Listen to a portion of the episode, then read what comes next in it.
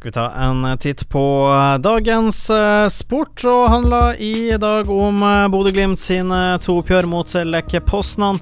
Først og fremst, og at billetter nå er tilgjengelig til begge kampene. For øvrig masse ledige billetter til både hjemme- og bortekampen uh, også. Glimt ser ikke ut til å klare å fylle de 8000 plassene til hjemmekampen mot Legg Poznan neste torsdag. Kan få mye ledige seter, med andre ord Conference League-kampen. I øyeblikket så har vi i underkant av 2000 billetter igjen for salg, men noen av disse er porsjonert som Uefa-billetter. Det opplyser Glimt til AN.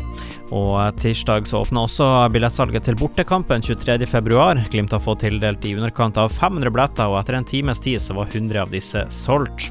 Legg Poznan har gitt Glimt mulighet for ytterligere utvidelse dersom flere i gult eh, melder seg på tur til Polen.